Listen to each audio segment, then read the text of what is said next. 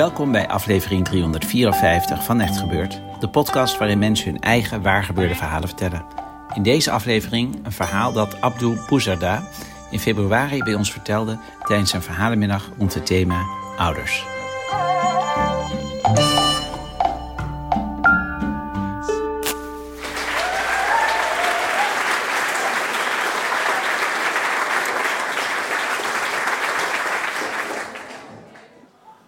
Oranje bloesemwater.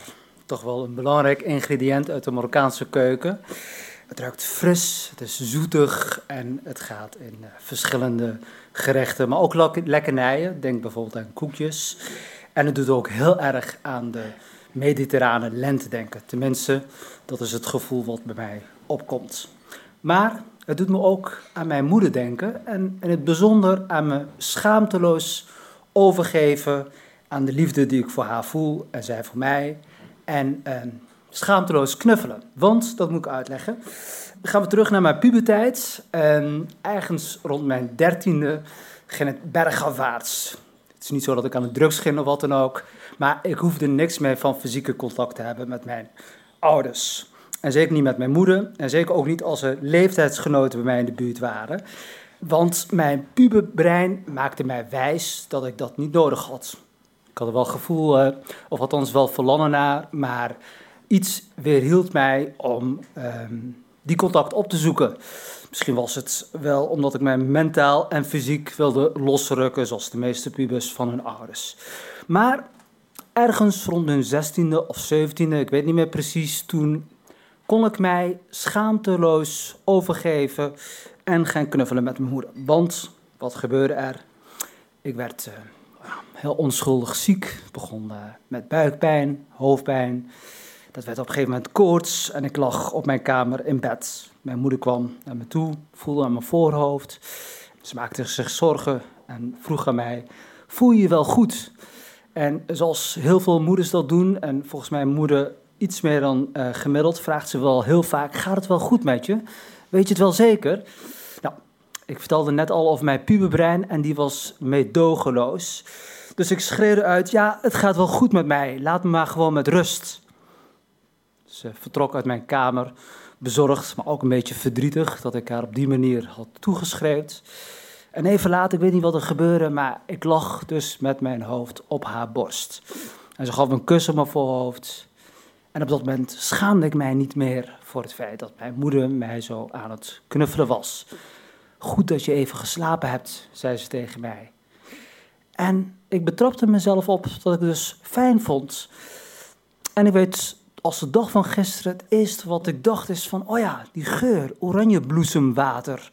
Want, dat moet ik erbij vertellen, behalve dat het in lekkernijen wordt gestopt, Marokkaanse lekkernijen, uh, is het ook iets wat vaak kinderen, maar ook volwassenen op hun voorhoofd en hun polsen gesmeerd krijgen om de koorts te onderdrukken. Dus ik lag daar in bed met een walm aan oranjebloesemwater en een walm van liefde om me heen. Nou, die koorts werd erger en erger en mijn moeder bleef me verzorgen en bemoederen en knuffelen. Maar op een gegeven moment ging die koorts wel weg en ik voelde me wel goed. En ik moet bekennen dat ik nog een dag of anderhalf mij nog ziek voordeed, omdat ik wel fijn vond om zo bemoedigd te worden. Want ik kon me schaamteloos eh, laten knuffelen. En dag drie lag ik wederom met mijn hoofd op haar uh, borst. Alleen dit keer was zij degene die koorts had en pijn, want we hebben een tijdje een sprongetje in de tijd gemaakt. Ik ben nu begin 30 en zij lag in het ziekenhuis. Het was voor het eerst dat ik ineens voor mijn moeder moest gaan zorgen en me zorgen om haar moest gaan maken. Daar lag ze dus, heel kwetsbaar, in dat bed een beetje, ik stel me zo'n beetje voor dat zij, ehm, toen ik 17 was, op dezelfde manier naar mij keek zoals ik naar haar op dat moment aan het kijken was. Ik voelde me machteloos, ik wilde veel voor haar doen. En wat doe je op dat moment? Ja, dan ga je knuffelen. Dus een kus op het voorhoofd, hand vasthouden en zeggen dat het wel goed komt. Maar ook heel vaak vragen, gaat het wel goed met je? En dan ook dat ze zei, ja, het gaat wel goed. Nog een keer vragen, weet je het wel zeker? Totdat zij dan op een gegeven moment een beetje geïrriteerd uh, raakte. En wat ik ook deed, omdat ze koorts had, ik had een flesje oranje bloesemwater meegenomen. En dat had ik op haar voorhoofd gedaan, op haar polsen, en een beetje in de lakens besprenkeld. En uiteindelijk, het is toch mijn moeder, dus ehm, ze bleef in die rol van moeder en zei tegen mij van, moet jij niet naar huis? Je hebt al een paar dagen dezelfde kleren aan. En moet jij niet gaan eten? En wat zie je er slecht uit? Ik zei, nou, maak je geen zorgen. Ik ga zo wel naar huis als jij gaat slapen. Heel even later sliep zij inderdaad. En de hele ziekenhuiskamer rook inmiddels naar oranjebloesemwater. En ik besloot om weg te gaan en toen kwam er een vriendelijke verpleegster naar binnen. Althans, ik dacht dat ze heel vriendelijk was. Ehm, en die zei, hey, wat, uh, wat ruik ik hier? Het ruikt wel heel fris ineens hier. Dus ik zei, ja, ja, ik was ook heel moe, moet ik uh, bekennen. Ik had al een paar nachten niet goed geslapen, omdat mijn moeder zo ziek was. Ik zei, ja, dat is... Uh, ik wist nog niet dat het oranje bloesemwater heette. Het heet in het uh, Arabisch mazhar, of water van bloemen. Dus ik legde haar uit, dat is water van bloemen. En toen zei zij tegen mij, water van bloemen, bloemen geven helemaal geen water. waar heb je het over? En toen zei ik, nou nee, het is, het is een typisch traditioneel iets uit, uit Marokko. Toen zei ze, oh, waar kan ik dat halen dan? Ik zei, nou, dat, dat kun je een speciaalzaak krijgen. Zei ze, oh, oh oké. En, um, maar goed, ik, was, ik wilde net weggaan. Toen zei ze tegen mij, oh ja, nu weet ik het, zei ze tegen mij. Het ruikt naar toiletverfrisser, reiniger. Nou, ik was toen op dat moment heel diep in mijn ziel geraakt. En ik zou wel even uitleggen hoe. Ik zou haar toen op dat moment gaan uitleggen uh, dat het helemaal niet was. Dat het iets duurs was, iets unieks. Nou, en ze bleef mij glazig aankijken. En toen zei zij tegen mij van, nou, ik zal het wel aan mijn Turkse collega Aysa gaan vragen. En toen dacht ik, nou, deze strijd ga ik niet meer winnen. Ik geloof het wel. Ik ga naar huis, ik ben moe en het komt wel goed. En inderdaad, gelukkig, het kwam goed. Mijn moeder mocht na een paar dagen weer naar huis gaan. En toen was het mijn beurt dus om haar thuis uh, te gaan verzorgen. Schone lakens, koelkast gevuld, uh, voor haar uitgebreid koken. En dat ging een paar dagen door. En uiteraard ook met oranje bloesemwater. Dus overal oranje bloesemwater. Het scheelde maar weinig of ik deed in het drinkwater oranje bloesemwater. Maar het huis uh, stonk op een gegeven moment naar oranje bloesemwater. Voor zover oranje bloesem kan stinken. En na een week of anderhalf um, ging het eigenlijk wel een stuk uh, beter met mijn moeder. Het stond een beetje te rommelen in de keuken. Ze was nog wel heel erg ziek, maar ze stond een beetje te rommelen in de keuken. En, um, en een beetje geïrriteerd van ja, ik heb zo vaak verteld, je moet deze pot in deze kast zetten. En toen dacht ik, oh ja, het gaat wel goed met je. En uh, zei ik, nou, kan ik wat voor je gaan doen? Toen zei ze, nou, gooi het vel maar weg. En um, dus ik uh, die vuilniszak mee naar buiten genomen. En hij was uh, prop en prop vol. En op een gegeven moment scheurde die en er viel allemaal troep naar buiten. En wat er ook naar viel, was een half vol gevulde oranjebloesemwaterfles. Ik dacht, hè, wat gek, wat raar. Zie je wel, ze is nog steeds ziek. Ze gooit zomaar een half volle fles gooit ze weg. Dus ik denk, nou ja, goed. Dus ik de vuil weggooien.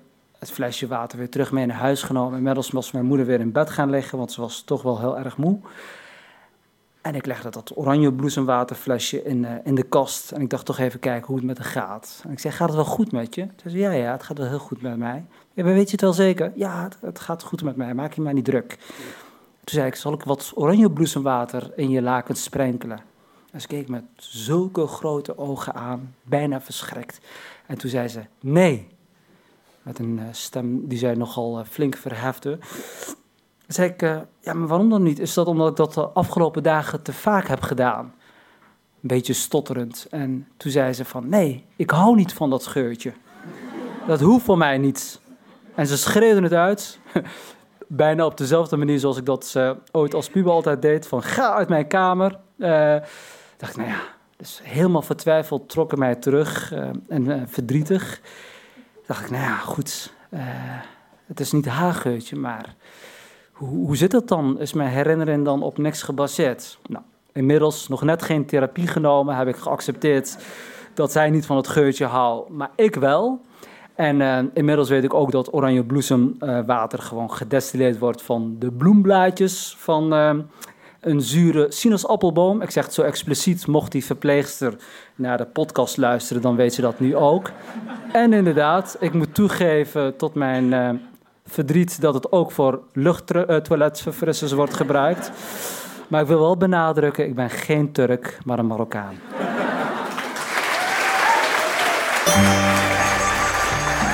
Je hoorde een verhaal van Abdou Bouzerda. Abdou is journalist en werkzaam voor het NPO Radio 1-programma Bureau Buitenland. Hij vertelde al eens eerder een mooi verhaal bij ons... dat je kunt beluisteren in aflevering 277 van deze podcast. Echt Gebeurd is een verhalenmiddag die elke derde zondag van de maand wordt georganiseerd... in Comedy Club Toemler in Amsterdam.